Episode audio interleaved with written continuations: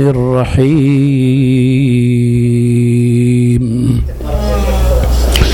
صلى الله عليك يا سيدي ويا مولاي. يا رسول الله. صلى الله عليك وعلى آلك الطيبين الطاهرين.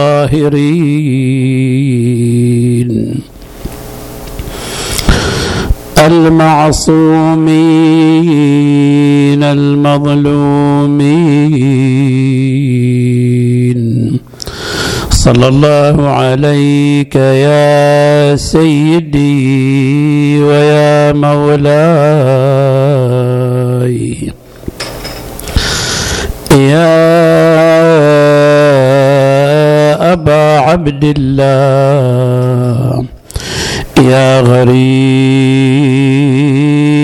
يا مظلوم كربلاء. سيدي يا ليتنا كنا معكم فنفوز فوزا عظيما. إن كان عندك عبرة لم تجريها فانزل بأرض الطف كي نسقيها. فعسى نبل بها مضاجع صفوة.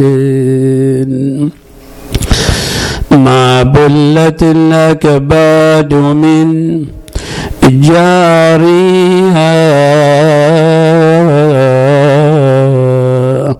ولقد مررت على منازل عصمة. ثقل النبوة كان ألقي فيها. فبكيت حتى خلتها ستجيبني.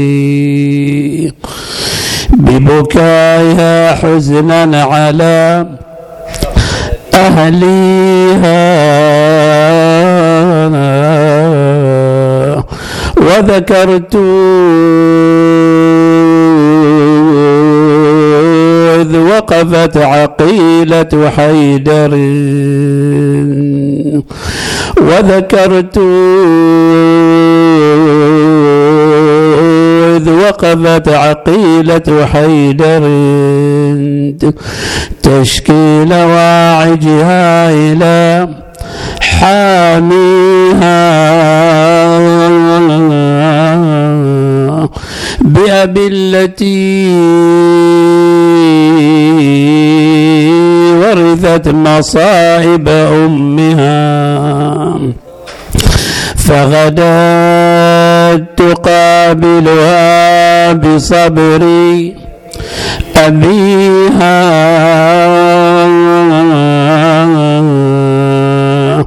لم تله عن جمع العيال وحفظهم.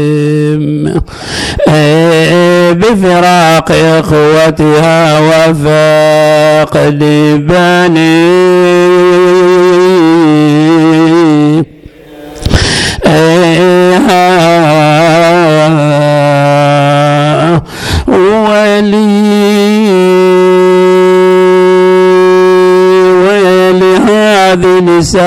نساؤك من يكون إذا سرد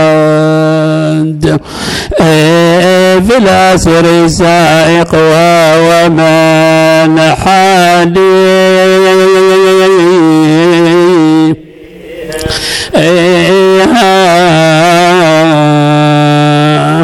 هذه نساؤك من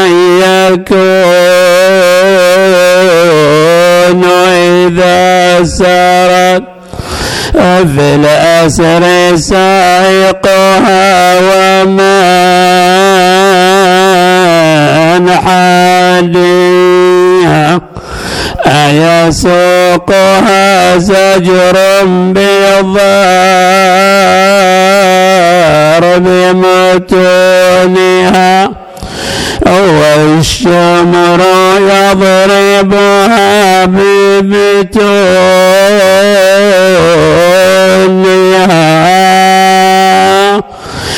مشينا مشينا على الهزل ومقيدين. ومقيدين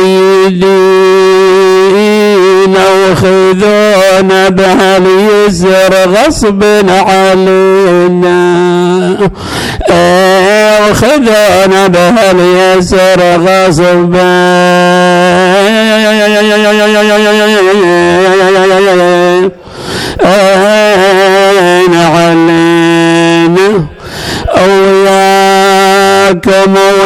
وياكم نظل لا يحصل بدينا وياكم نظل لا يحصل.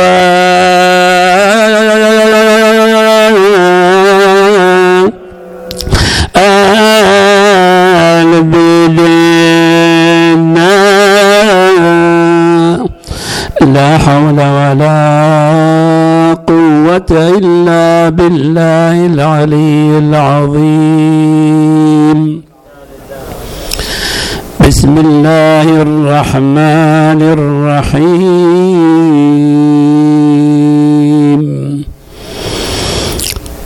قال الله تعالى في كتابه الكريم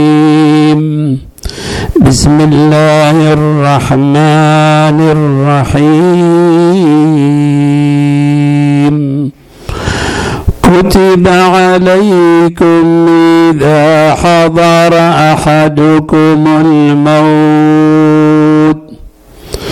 إن ترك خيرا. الوصية للوالدين والأقربين بالمعروف. صدق الله العلي العظيم. صلوا على محمد وآل محمد. صل على محمد وآل محمد. صل على اللهم صل على محمد وآل. الوصية هي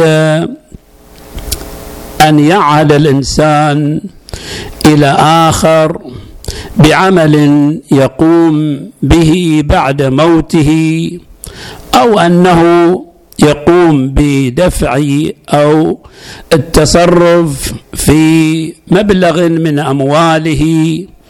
أو أنه يجعل قيم على القصر من أولاده. الوصية في نظر الشرع تعتبر مسألة مهمة ودقيقة وحساسة لما يجري بعد الإنسان بعد موته من أمور ترتبط بشخصه هو وبأمواله وعائلته. ولذا الوصية هي من سنة النبي صلى الله عليه وآله وسلم كما جاء في الحديث عن الإمام الصادق الوصية حق وقد أوصى النبي فينبغي لكل مسلم أن يوصي. وأيضا جاء في الحديث من لم يحسن وصيته من لم يحسن عند الموت وصيته فنقص فقد نقصت مروءته وعقله. ومن مات بغير وصية مات ميتة جاهلية. فالوصية إذا الشرع والدين يبعثنا نحوها لأهميتها ولحساسيتها. طبعا أنه هل الوصية يعني إيش حكم الوصية؟ هل هي وصية واجبة أو لا؟ الوصية مستحبة. الوصية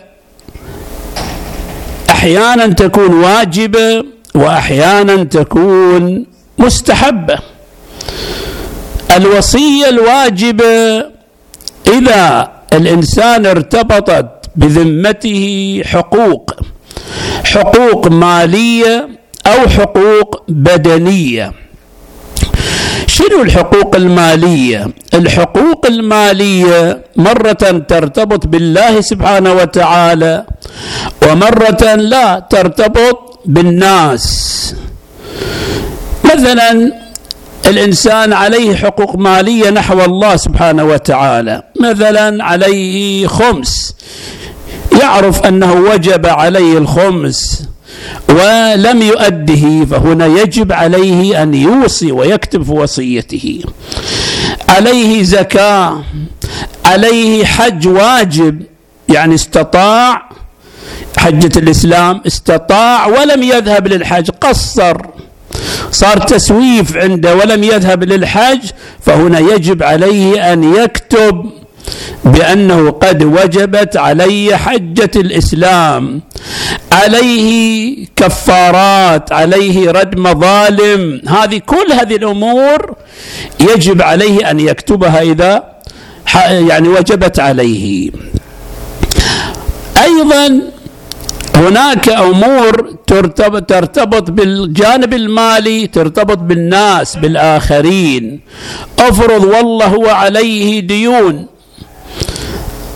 عند آخرين. أحيانا هذه الديون ما يكون عليها حتى ورقة إثبات. افرض صديق تعامل مع صديقة بالثقة. قال له أعطني قرض أعطاه قرض. لا هذا ثبت عند نفسه بورقة لا الدائن ولا المدين. ما حد ثبت.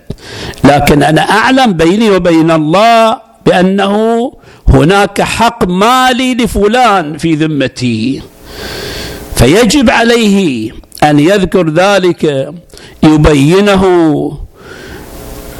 يعني يوصي أولاده بأن أنا اقترضت من فلان وعليكم أن تؤدوا هذا الحق. وأحيانا أمور بدنية. بدنية يعني شنو؟ يعني صلاة. افرض أنا والله صارت عندي صلاة قضاء صوم قضاء وما أديت لا الصوم ولا الصلاة. يجب عليه أيضا أن يبين هذه الأمور. فلذا الإنسان لابد أن يثبت هذه الأمور خصوصا إذا وجبت لأنه سوف يحاسب عليها يوم القيامة. طبعا إذا قلنا وصية ويجب أن يكتب وصية هل لابد أنه يكتبها على ورقة ويكتبها بصياغة معينة أو يروح إلى شيخ يكتبها؟ يجي يقول لك واحد والله أنا ما قدرت. ما حالفني الوقت. أذهب إلى الشيخ الفلاني أو إلى السيد الفلاني ويكتب لي وصية. ما عندي وقت. ما شفت فلان. لا. الوصية ما لها صياغة معينة. أنا ما لوزم أنه أول يجي ويذكر الآيات القرآنية اللي ترتبط بالوصية والشهادة. كل هذا مستحب. المفروض يجي ويثبت ورقة. إن فلان يطلبني. أنا أطلب فلان حتى إذا أنا أطلب فلان. لأنه هذا تضييع لحق الورثة. وما يجوز لي أنا أضيع حق الورثة. افرض الآن والله أنا ماني مبالي ماني محتاج للمبلغ. صحيح أنا ماني محتاج لكن الورثة بعدين رايحين يحتاجون. وأنا ليش أخلي أولادي عانى على المجتمع وعندي أموال؟ لا. فهذا مذموم مذموم جدا مذموم. أنه الإنسان لا يهتم بهذه القضايا المالية حتى ولو كان هو مستغني عنها. طبعا إذا قلنا أيضا وصية حتى لو ما استطاع أنه يكتب ورقة أحيانا تكون بالشفه بالشفهية. يعني يقول يقول لزوجته يقول لولده يقول لصديقه هاي تعتبر وصية. هذه تعتبر وصية. أنا إذا قلت حق زوجتي والله علي صلاة علي صوم علي دين علي حاج فاعملوا من ثلثي. هذا تعتبر وصية. قلت لصديقي هذه وصية. فالوصية لا أنه يشترط فيها أن تكتب بصياغة معينة ولا أنه إذا كتبت بصياغة معينة لابد تصير على ورقة لا حتى شفهية تكون وصية ونافذة شرعا نافذة شرعا على هذا الذي سمعها. يجب عليه أن ينفذ بقدر استطاعته وإمكانياته. الشهود أحسن يعني طبعا هو الشهود مو بواجبة. الشهود لكي يكون هناك توثيق للوصية. ولا أنا لو قلت حق ولدي ولدي صار موثق وصار مقبول أو زوجتي الشهود للتوثيق. الشهود حالة الخصام والنزاع اللي يصير بين الورثة. لكن لو كانت مثلا توقيعه موجود بالورقة ونعرف هذا الخط خط أبوي مثلا أو خط صديقي أو خط أخوي بعد خلاص هذه بينة. أنا أثق بأن هذا الخط أطمئن بأن هذا الخط خط أخوي وأن هذا التوقيع توقيع أخوي أو توقيع أبوي. يجب علي أن أنفذ الوصية. الشهود نحتاج إليها وقت النزاع وعد الخصام. أما إذا ما في لا ما يحتاج مو واجب الشهود. زين كيف الآن نخرج هذه الأمور إذا أوصى الإنسان بوصايا ترتبط أمور مالية ترتبط بالله سبحانه وتعالى أو ترتبط بالناس أو أنه بدنية أوصى بصلاة وصوم عندما نأتي إلى هذه التركة أولا التركة عندما نأتي إليها صلوا على محمد وآل محمد.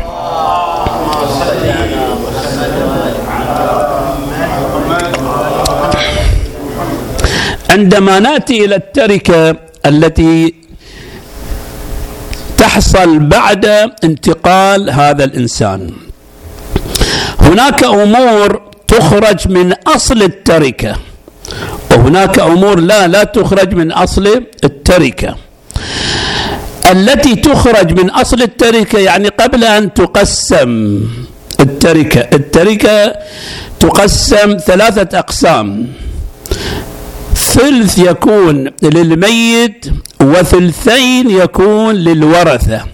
لكن قبل أن يحصل هذا التقسيم انجي أول للحقوق المالية التي ترتبط بالله سبحانه وتعالى مثل حج واجب عليه خمس واجب عليه زكاة كفارات رد مظالم هذه نخرجها من أين؟ من أصل التركة.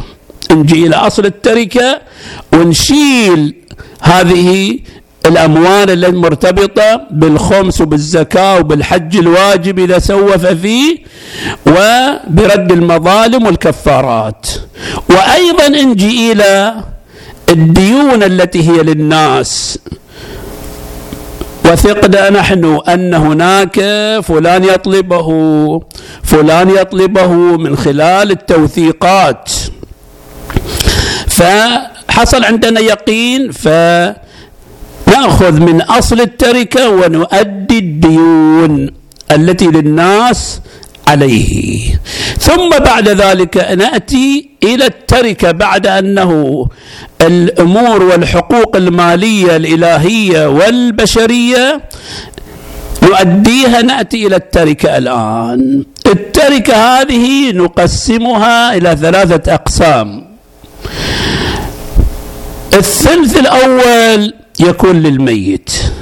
ومتى يكون الثلث للميت؟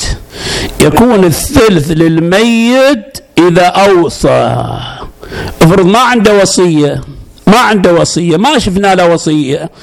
ولا هو تكلم قال مثلا ثلثي لي أو سووا لي صلاة أو سووا لي حاج أو أو ما أوصى بشيء. لا خطيا ولا شفهيا. خلاص الثلث ما له شيء منه هو. الثلث هو تحفة من من الله سبحانه وتعالى. تعبر الروايات هدية من الله سبحانه وتعالى. تعويض للإنسان لله سبحانه وتعالى. فإذا الثلث صار من نصيبه بوصية إما أنه قال ثلثي كل لي. طبعا إذا جينا للروايات أنها ترغب بأن الإنسان يوصي بمقدار حاجته. الأئمة يقولون إحنا ما نحب نوصي بالثلث. الثلث إجحاف في حق الورثة. يعني بعضهم يجي يقول ثلثي كل لي. لا ينقص من ثلثي شيء. ما عليه هذا حقك. هذا صحيح. من جانب حكم شرعي حقك. لكن من جانب أخلاقي. شنو؟ لا الروايات تقول الربع أحب إلي من الثلث الإمام يقول.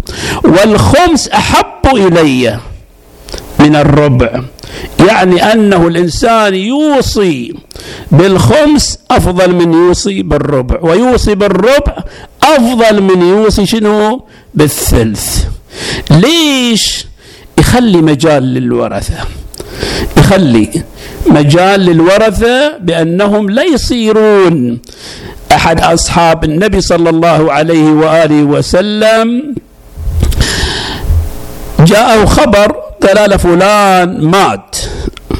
وعنده ستة من العبيد. هذا من عرف نفسه بيموت. أعتقهم. ورواية باعهم. ولم يترك لورثته شيء. النبي سألهم إيش سويتوا بصاحبكم؟ قالوا دفناه خلاص. قال أنا لو ملحق عليه. ما خليته يدفن في مقابر المسلمين هذا. ليش يترك؟ النبي يقول لهم ليش يترك؟ عياله عالة على غيره. أنت إذا افرض الآن ثلثك كثير لكن عيالك أولى. مثلا بعضهم يجي يقول أعطوا للفقراء أعطوا لأعمال الخير. صحيح هذا جيد. لكن في مهم وفي أهم خصوصا إذا صار في الورثة من هو محتاج.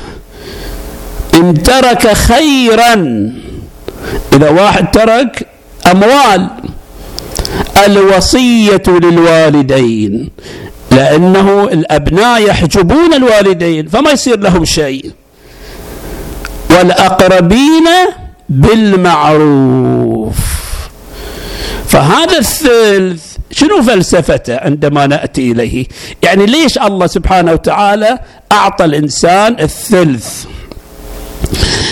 يذكرون بعض الأمور أعطاه الثلث بعض الروايات تعبر بأنه تحفة من الله هدية من الله سبحانه وتعالى لأن الإنسان افرض ما عليه واجبات الآن لا مالية ولا بدنية ما عنده. يعني ليس مطلوب لا لله بشيء لا حج عليه لا زكاة لا خمس. ما الناس الطلبة ماكو صافي صافي. لكن هذا أحيانا في أيام حياته هذا جانب الجوانب في أيام حياته كان يرغب. يسوي أعمال خيرية يساعد يصل رحمه ما استطاع انشغل في هالدنيا. سواء انشغل بأعماله أو انشغل. مثلا في آخر أيامه الصحة ما ساعدته على الحركة. وكان يرغب أن يقوم بهذه الأعمال. ما استطاع يقدر هذا تعويض له. هاي شلون تحفة؟ شلون هدية؟ يقدر هو يوصي مثلا سووا لي ابنوا لي مسجد ابنوا لي مثلا مصحة ابنوا لي كذا عمارات للفقراء اجعلوها وقف هذه خيرها يرجع إليه. صدقة جارية. هذا جانب. جانب آخر. أحيانا يصير هناك أقرباء والأقربين بالمعروف. أقرباء أفرض واحد صحيح أنه الورثة رايح يحصلون حقهم بالتمام لكن بعض الورثة أفرض واحد من أولادي ما أمور المادية طيبة ما يعني عنده قدرة مالية. أنا أستطيع الآن أجعل جزء من ثلثي لهذا الولد لهذا الولد. أحيانا عندي بنت أرملة مطلقة تعيش على مساعدة فلان فلان أخوها فلان. فأنا ليش ما الآن أسد حاجتها المادية عن طريق ثلثي؟ وهذا خير الشيء. أقول بنتي مثلا أعطوها جزء من الثلث بمقدار كذا. أيضا الإنسان أحيانا من ثلثه يستطيع أنه يعوض زوجته. زوجتي عاشت وياي على المرة والحلوة. عاشت وياي تعبت خدمتني. كما عرفنا قبل ليال بأنه الزوجة ليس بواجب عليها أن تخدم زوجها. لا تغسل ثيابه لا تسوي له طعام لا تكنس البيت مو بواجب. أنا ليش ما أعطيها تعويض؟ أستطيع طبعا. قبل الوفاة أعطيها هدية وأسلمها. أفرض أقول ربع البيت لزوجتي وأسلمها البيت. المزرعة الفلانية لزوجتي وأكتب لها ورقة. هذه هني هني, هني نحتاج إلى الشهود لأن لا يصير نزاع بين الورثة. وأسلمها زوجتي. أسلم مثلا ولدي الذي هو ضعيف بنتي المطلقة الأرملة أسلمها. هذا زين. أو أنه بالثلث أستفيد وأعوضها. والأقربين بالمعروف يعني الذين لا يستحقون أحيانا من التركة أو أحيانا يستحقون من التركة لكن يحتاجون إلى مساعدة أكثر وأكثر. ولذا من لم يحسن عند الموت وصيته نقصت مروءته وعقله. لأن من كمال المروءة أنك تصل. الأقرباء تصل الوالدين تصل مثلا أولادك بعطائك وبفضلك وتنعم عليهم. فإذا الثلث يكون للإنسان إذا أوصى وأن يحسن ولذا من مات بغير وصية مات ميتة. جاهلية جاهلية يعني كأنه لا يعرف شيء لا يعرف أنه هذا له حق هذا له مثلا أنه يساعد هذا يوصل.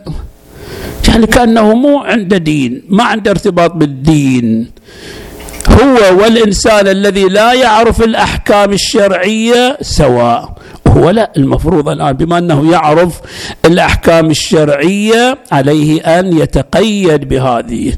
فلذا الوصية تعتبر مهمة وحساسة ودقيقة جدا والإنسان يحتاج إلى هذا وثانيا أنه كما قلنا أن الوصية سنة من سنن النبي صلى الله عليه وآله وسلم وعلى هذا مشى الأئمة المعصومين سلام الله عليهم.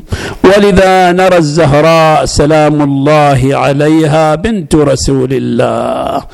في اللحظات الأخيرة أرسلت إلى أمير المؤمنين سلام الله عليه. جاء أمير المؤمنين جلس عند رأس الزهراء سلام الله عليها. ثم إنها التفتت إلى أمير المؤمنين. قالت يا ابن العام إني مفارقتكم عن قريب. تقول الرواية عندما سمع أمير المؤمنين هذا الكلام من الزهراء أخذ يبكي. تقول الرواية أخذ رأس الزهراء وضعه في حجره وأخذ يجهش بالبكاء. قالت يا ابن العم الوقت ليس وقت عزية بل وقت وصية. أريد أن أوصيك بوصايا التفتت إلى أمير المؤمنين قالت يا ابن العم هل قصرت في حقك؟ إن حصل مني تقصير فسامحني وأعذرني. قال أمير المؤمنين حاشاك من التقصير فقد أحسنت إلي وكنت بارة بي. ثم إنها وصته بأن يكون قريبا من أولادها وأوصته بأن يتزوج بأمامة ابنة أختها من بعدها. آه آه إيش زايد إيش زايد عليش اليوم. يا زهرة الوجين. بطلي ولينا جذاب قلبي لا تولي. آه يم الحسن يم الحسن بطل الونين. وجاوبيني شوف يا ولاد اشبه البواكي مذوبيني قالت يا حيدر فرقوا بينك وبيني من هالمرض ما أشوف يا حيدر السلام ومن هالمرض ما أشوف يا حيدر سلام تزوج عقب عيني أبو حسين بامامه بس الله الله بعد موت بهاليتامه سكن خواطرهم وناش بدمعات العين واجمع أصحابك عقاب ما تجهزوني وطلعوا الجنازة بليل خفية ودفنوني واللي ساروا ضلعي وبالباب عصروني لا يحضرون جنازتي. يا مشيد الدين ما قصروا يا مرتضى. رضى وضلوعي لليوم من ضرب الرجس ما سكن راعي وبعدي على المختار ما نشفت دموعي. الطبل ولطمني فوق خدي محجر العين. وقالها الوصل ما مدوحه بالسبع المثاني أنت أنت يا زهرة والنبي كنت أركاني. وهسه دم يم الحسن ركني الثاني. تجدد تجدد علي الحزن يا ست النساوي اللي مصايب الزهراء هجرت المضجعه وأذلت قلبي من جفوني أدمعا اللهم بحق الزهراء وأبيها وبعلها وبنيها والسر المستودع فيها. اللهم ارزقنا توفيق الطاعة وبعد المعصية وصدق النية وعرفان الحرمة. اللهم آمنا في أوطاننا. اللهم لا تسلط علينا من لا يخافك ولا يرحمنا. اللهم اقضي حوائج المحتاجين خصوصا إخواني الحاضرين. اللهم شافي مرضانا. بسم الله الرحمن الرحيم. أما يجيب المضطر إذا دعاه ويكشف السوء. أما يجيب المضطر إذا دعاه ويكشف السوء. أما يجيب المضطر إذا دعاه ويكشف السوء. اللهم صل على محمد وآل محمد. اللهم بحق الزهراء وأبيها وبعلها وبنيها والسر المستودع فيها.